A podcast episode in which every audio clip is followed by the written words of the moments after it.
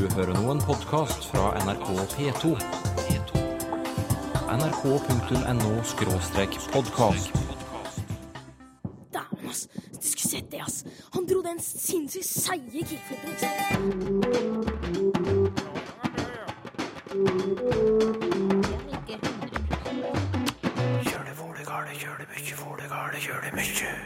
Afasi.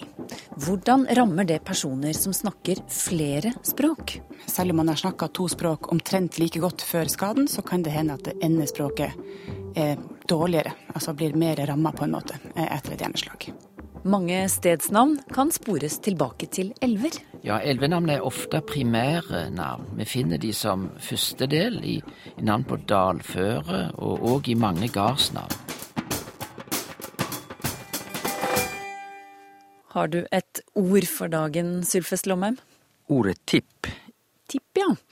Som i nasetippen Ja, eller haletippen? og tippoldefar. Hm, dette blir interessant. Litt senere. Dersom du snakker flere språk og får afasi, blir da alle språkene like hardt angrepet? Afasi betyr at du har vedvarende problemer med å forstå språk og bruke språk, og hjerneslag er den vanligste årsaken. Stadig flere rammes av afasi her i landet. Det henger sammen med at vi lever lenger. Men også tallet på tospråklige med afasi øker. Fordi flere og flere i Norge snakker to språk. Monica Knoff er logoped og skriver doktoravhandling om afasi hos personer med flere språk. Og hvordan rammer afasi hos dem? Det som er litt spesielt når du snakker flere språk og får afasi, så viser det seg at det er ikke nødvendigvis at språkene skades eh, i like stor grad. Eh, så det kan være at selv om man har snakka to språk omtrent like godt før skaden, så kan det hende at det ene språket er dårligere, altså blir mer ramma på en måte eh, etter et hjerneslag. Ja, men, men er det da morsmålet, eller er det nummer to-språket som rammes? Hva vet dere om det? Ja, dette vet vi faktisk ikke så mye om. Eh, Det er mange teorier rundt dette. og eh, noen har prøvd ut teorien om at det er morsmålet som er best bevart, at det er det man eh, kan best, så å si, etter et hjerneslag. Men så er det studier som motbeviser dette. Ja, Så ikke noe mønster foreløpig, altså? Det er ikke noe klart mønster. Noen eh, mener å se at det er det språket du har brukt mest i tida rundt når du får hjerneslaget. Men heller ikke den eh, teorien er helt uh, bekrefta. Nei, så det, Du kaller dette feltet for upløyd mark, og det høres ut som det er en ganske treffende eh, beskrivelse? Ja, det er et ganske nytt forskning, forskningsfelt eh, internasjonalt. eh, Og i Norge har det ikke vært gjort eh, noen studier på dette før. Noen forskningsstudier på dette før. Så det er nokså upløyd, ja.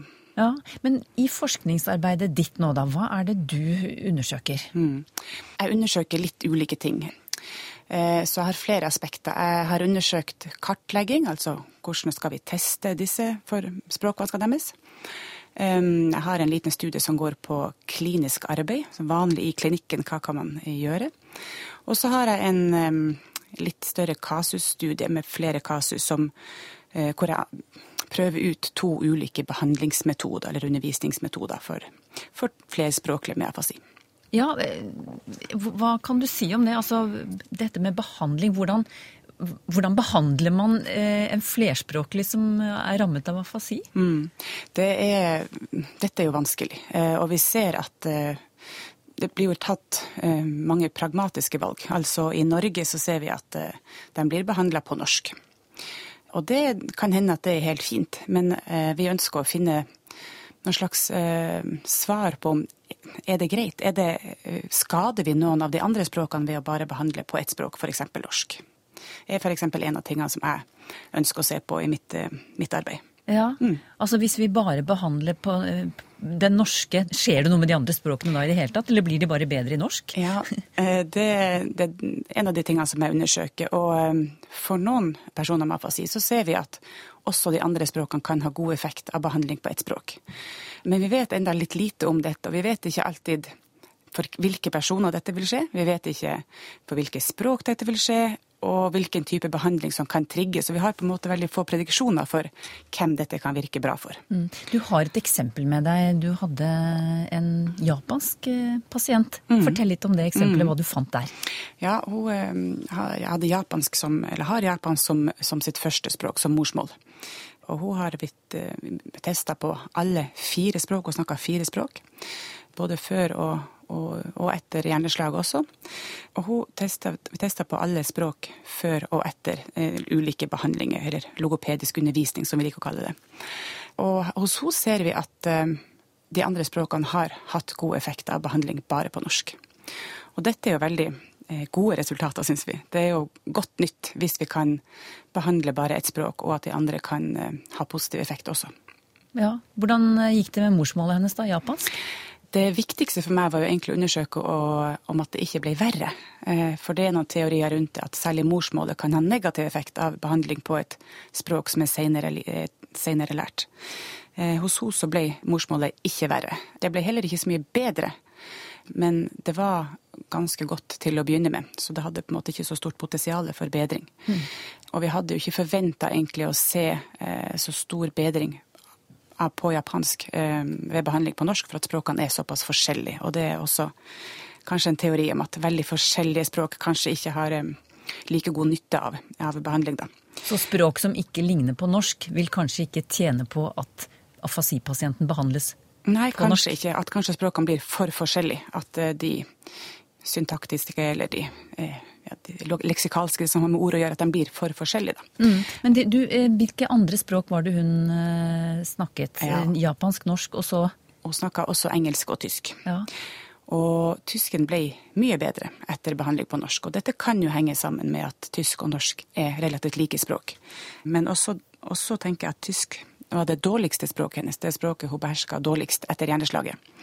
Så at det så å si hadde størst potensial for bedring, da. Mm. Mm. Men også engelsken ja. hadde god effekt på noen, eh, noen, språklige områder, ikke på alle. Ja. Mm. Du er jo ikke ferdig med doktorgradsarbeidet ditt ennå, men eh, hva er den eller de foreløpige konklusjonene dine? eh, ja, det jeg har sett foreløpig, er at eh, logopedisk behandling på ett språk kan overføres til andre utrente språk, i noen tilfeller. Jeg har jo ganske få eh, deltakere i prosjektet mitt, så jeg kan ikke generalisere til hele den tospråklige befolkninga, men, men, jeg tenker at dette er viktige resultater som vi, vi tar med oss videre. Et annet funn jeg har som jeg syns er viktig å påpeke, er at eh, når man får afasi etter et hjerneslag, så er det svært viktig at man får hjelp og får kartlagt alle språkene sine. Hvorfor alle? Vi ser at det ikke, som jeg også sa i begynnelsen, at det er ikke nødvendigvis at alle språkene blir like mye skada på en måte, eller skada på samme måte etter et hjerneslag. Sånn at det kan, det kan hende at man kartlegger på norsk, vi blir i Norge kartlegger på norsk, og så er norsken relativt god. Så tenker man ja ja, dette fungerer ganske greit. Eh, og så kan det vise seg at morsmålet er mye mer skada. Sånn at personen vil kanskje streve på hjemmebane mye mer enn med, i et norskspråklig miljø. Eller at språkene er skada på forskjellig måte, sånn at man, når man som logoped planlegger en undervisning eller behandling, så vil den kanskje eh, ikke fungere på morsmål, da, eller for morsmål. At det er uløste problemer, så å si, på morsmål. Mm. Mm. Men hva er grunnen til at man bare har kartlagt afasi, flerspråklige afasipasienter eh, på norsk? Vi ser at, og dette gjelder også internasjonalt, eh, vi ser at stort sett så kartlegges folk på det språket i landet de bor i. Og dette i Internasjonalt så tenker man, og jeg er veldig enig i at man tenker at dette er rett og slett uetisk. Man kan ikke bare kartlegge ett språk. Eh, da har man, man har ikke fått hele historien, da, for å si det sånn. Mm. Men hvorfor har man bare gjort det slik? Og kartlagt bare språket i det landet vedkommende bor i? Ja, det, jo, det har jo både med hvilke tester vi har tilgjengelig. Det har jo også med å gjøre at man kanskje ikke har visst hvor viktig det, det har vært. At man ikke har visst at språkene kan være skada på forskjellig måte, eller i forskjellig grad. Nei, ennå er det mye vitenskapen ikke vet om afasi hos personer med flere språk men Monica Knoff er blant dem som bidrar med forskning. Hun holder til ved Multiling, senter for flerspråklighet, som sorterer under Universitetet i Oslo. Her kommer en etterlysning på dansk. Hei, jeg heter Helle Solvang, og jeg er vert i det program som heter Språklaboratoriet på Danmarks Radios P1. Øh, jeg var i Norge her i sommer og øh, det slo meg hvor, hvor positive nordmennene er i deres språk, i intonasjonen. Det går jo opp og ned, men mest opp. Og, og et ord som greit, det er, det er meget karakteristisk for nordmenn. Greit. I Danmark så stiller danskerne lytterne spørsmål øh, til vores eksperter i Sproglaboratoriet. Og jeg syns også det kunne være sjovt å høre hva nordmennene har å spørre om hvis øh, det handler om sproget dansk. Så I velkomne til å stille spørsmål, så skal jeg gjøre mitt beste for å svare. Den oppfordringen kom fra min danske kollega Helle Solvang, som er med i Språkteigens skandinaviske spesialsending senere i år. Helle ønsker seg dine spørsmål om det danske språket. Send til teigen krøllalfa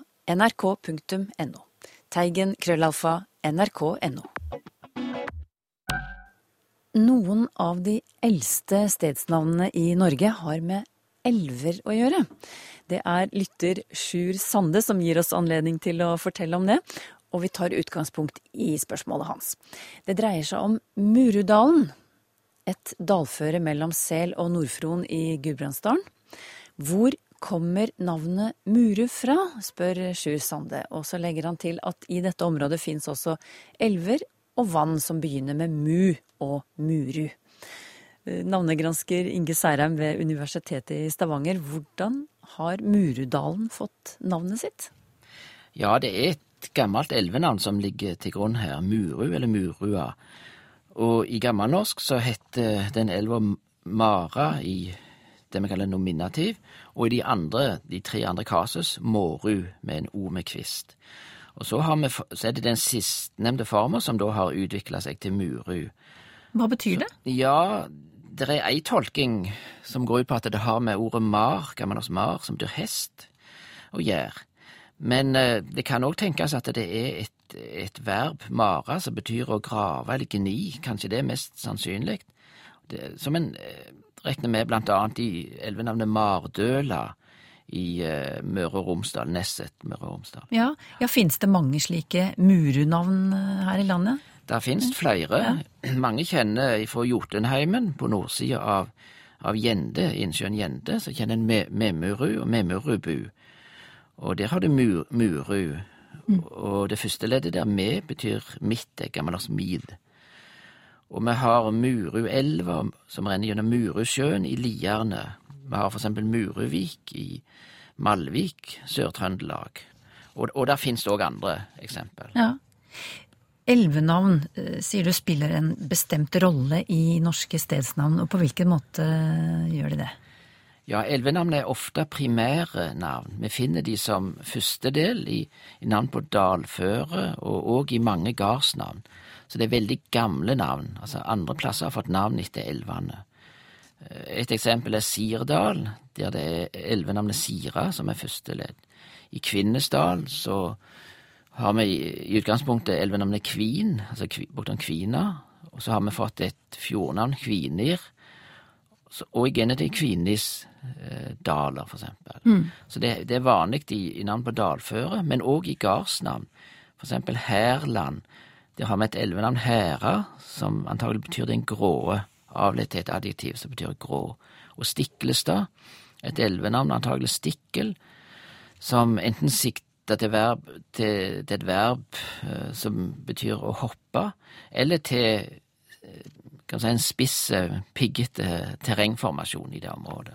Så elvenavnet kom først, og så har det da gitt navn til daler og, og gårder i, i ja, neste omgang? Ja, sånn, sånn, ser det ut. Og vi mm. ser òg av, av lagingene til disse gamle elvenavnene at de er, de er, gamle. Vi finner gamle suffiks, for eksempel n-suffiks i vefsen, og m i sigma og S i Kinso og Und i Brumunda.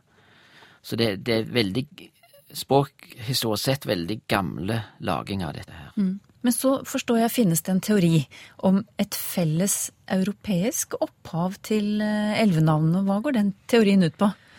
Ja, det er en teori som er setter, setter fram av en tysk eh, språkforsker som heter Hans Krahe, som går ut på at uh, mange elver i store deler av Europa har et felles språklig opphav. Altså de er lagde på samme måten, altså med samme type suffiks. eh, altså eh, suffiks er et ordlagensmiddel, og med samme type røtter. Og slike navn ser òg ut til å finnes i Norge. Eh, for eksempel i Mandal så har vi et elvenavn Morn i gammelnorsk, og i urnordisk Marno. Det kan svare til elvenavn på Marn og lignende i, lenger sør i Europa. Og i eh, Arendal, for eksempel, så har vi et elvenavn Orn, som kan svare til et urnordisk Arno. Og, og lignende da i uh, Arna ved Bergen, der som et opphavlig fjordnavn. Og vi kjenner jo elvenavnet Arno andre plasser i, i Europa, i Italia for eksempel. Mm. Og det er flere norske, gamle norske elvenavn som kan settes i samsvar med den teorien. For eksempel Nid, Nidelva i Trøndelag og på Sørlandet. Alna i Oslo, og enda flere. Ja.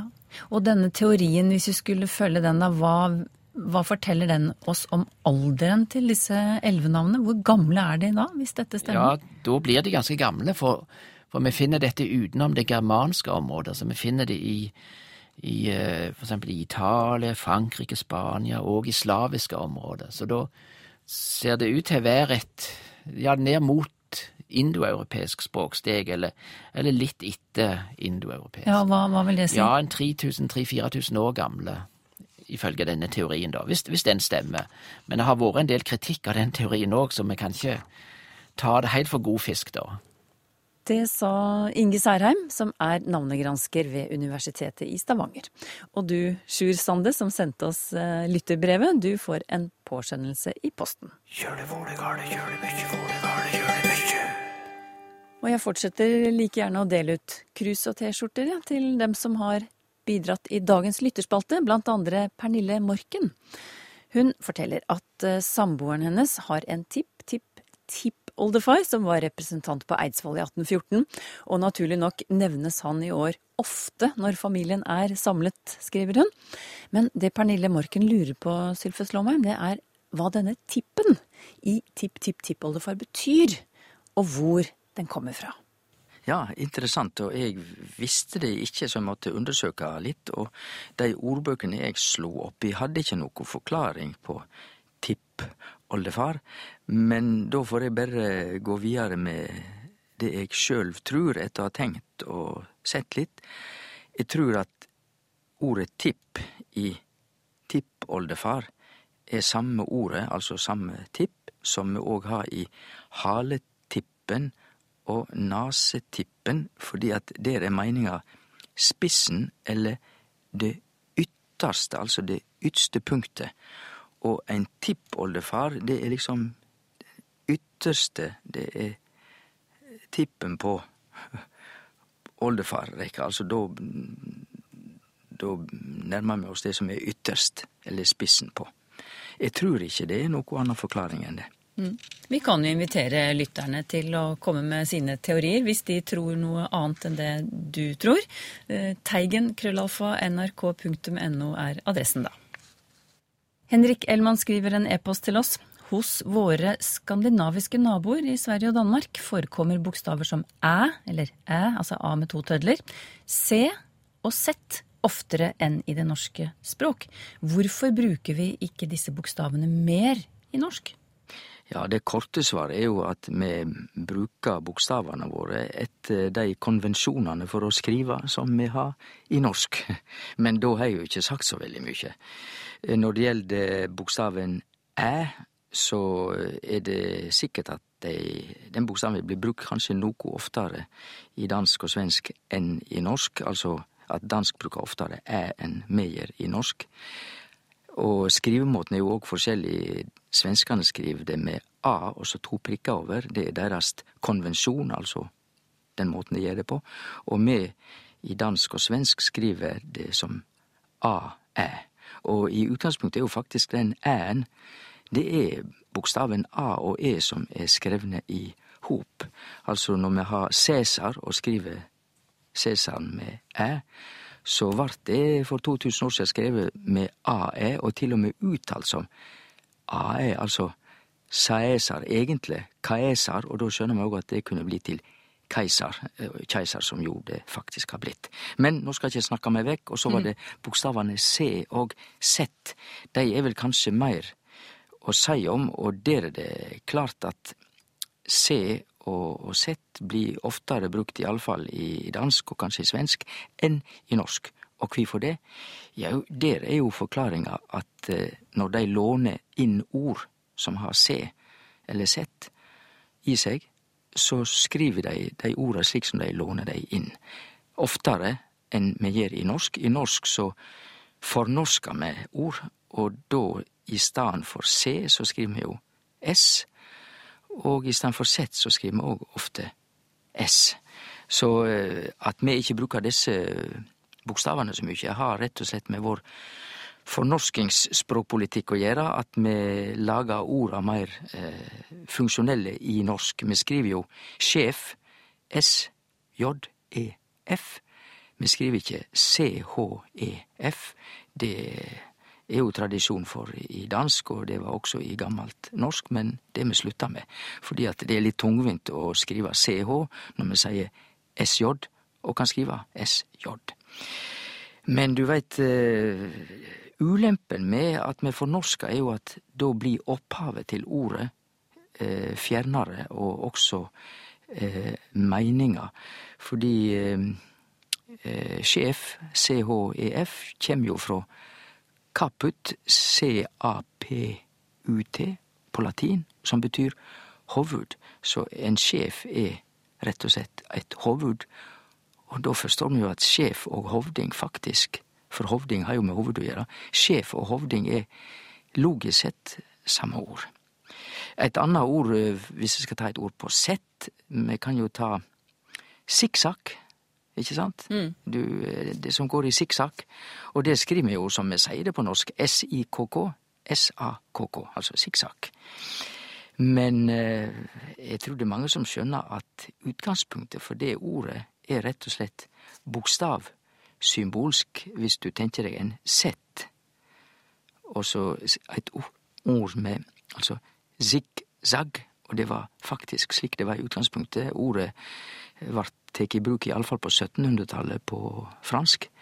Der har vi et godt dømme på at eh, skrivemåten med sett rett og slett viser òg hva ordet kommer ifra, for det kommer fra den visuelle setten, zigzag. Men det er blitt borte når vi fornorsker det til sikksakk i norsk. Da ser vi liksom ikke det lenger. Så det med å fornorske, det som jeg sa, det vi, vi taper noe på vegen, men vi får da mer funksjonelle skrivemåter på norsk. På Facebook stiller Tor Christian Larsen dette spørsmålet. Vi sier av og til 'hva var vitsen med det', eller 'hva er vitsen', om noe ødelegges eller spoleres, f.eks. Hva i all verden kommer det av, vil han vite. Ja, nei, det, og ordboka gir jo òg opplysninger om vits, at vits har to meninger på norsk. Enten en historie, å fortelle en vits, eller meining. Hva er vitsen, hva er meininga eller formålet? Men det er jo ett og samme ord, og dette ordet vits, det er i slekt med ord vi kjenner veldig godt, som vidd og vittig. Altså, i utgangspunktet er ordet vits i slekt med ord for humør. Vidd. I en eh, sending tidligere i år eh, snakket vi om reglene for da og når. Og Dag Heldal han savnet noen ord om da og når i såkalt historisk presens. Han skriver i skjønnlitteraturen eh, ser jeg ofte at forfatterne benytter da når, når, jeg føler. Ja, rett og slett føler, skriver han, at det er mer naturlig å benytte når. Han har et eksempel. Da jeg kommer inn i rommet, så skjer det og det. Jeg synes det høres riktigere ut å skrive eller si når jeg kommer inn i rommet, så skjer det og det. Hva mener du, Sylfest? Når det gjelder bruk av da og når i historisk presens, altså i presens, så er det egentlig ikke noe problem, fordi at der er det valfritt. Så til Dag Heldal så er svaret at han kan velge om han vil skrive da jeg kommer inn i rommet, eller når jeg kommer inn i rommet. Så det var òg i grunnen derfor jeg ikke kom inn på det, siden vi egentlig ikke kan gjøre feil i nåtid i historisk presens. Heidi Hogseth ved Høgskolen i Molde eh, forteller at hun har diskutert en del med studentene sine om eh, bruken av entall eller flertall i tilfeller der man omtaler et firma i entall, men så refererer man til firmaets eiendeler med eiendomspronomene i flertall. Eh, la oss si AS eksempel har hatt suksess med forretningsmodellen sine. Eller skal det være forretningsmodellen? Sin. Hun syns det er litt vanskelig dette her, er usikker på hva som er riktig, hvordan man skal tenke på et firma. Som skal man tenke på ett og ett og ett og ett menneske, altså alle de ansatte, eller skal man se på det som én hva skal jeg si, kropp eller et mm. Skjønner du meg? Mm, ja, jeg skjønner. Hva kan du hjelpe henne med her? Ja, dette er, dette er viktig at de får klarlegge på Høgskolen i Molde, og svaret er at eh, begge deler. Du kan omtale et firma i eintall forretningsmodellen sin. Eller eh, du kan òg omtale det med flertall, altså forretningsmodellene sine. Sjøl om det er eit firma som har disse forretningsmodellene sine. Altså eintall eller flertall. Jeg tror òg at eh, hun er inne på den problemstillinga som jo vi har i politiet kan de omtales som det, eller skal de omtales som de eller de, altså flertall? Der er det jo mest naturlig å si politiet, og sånn og sånn, og så i neste setning de kunne ikke komme før klokka sju. De kunne ikke komme til stedet før klokka sju. Altså, det er ikke noe i vegen for å omtale et eintallsord med flertallspronomen like etterpå, hvis vi alle veit at her er det mange personer det er tale om, uansett. Og et firma er jo mange personer. Et firma sånn og sånn, og de tror eller tenker eller føler. Da er det de tilsette. Og et firma kan sjølvsagt òg planlegge, tro eller tenke, som hun nevner, eh, sjøl om det er en ting, fordi at vi veit at i firma er det personer som planlegger og tror og tenker. Så her skal vi bare tenke gjennom hva som er naturlig og fornuftig, og uh, vi må ikke late den grammatiske logikken bli så hardhendt at vi ikke uh, kan bruke for eksempel fleirtall etter et eintallsord som politiet. Det, det blir for stivbeint. Har du spørsmål til Språkteigen? Skriv til Teigen, krøllalfa nrk.no, eller til Språkteigen, NRK P2, 7005, Trondheim. Så finner du oss også på Twitter og på Facebook. Nå kan du stille spørsmål om dansk og svensk. Eh, jeg lurer på hvordan bruker man preposisjonen ur riktig på svensk? Hvorfor kaller danskene lunsj for frokost? Dette er to av spørsmålene jeg har fått inn til den skandinaviske sendingen vår. Men jeg vil ha mange flere. Send dem til Teigen, krøllalfa, nrk.no. Og så høres vi om en uke.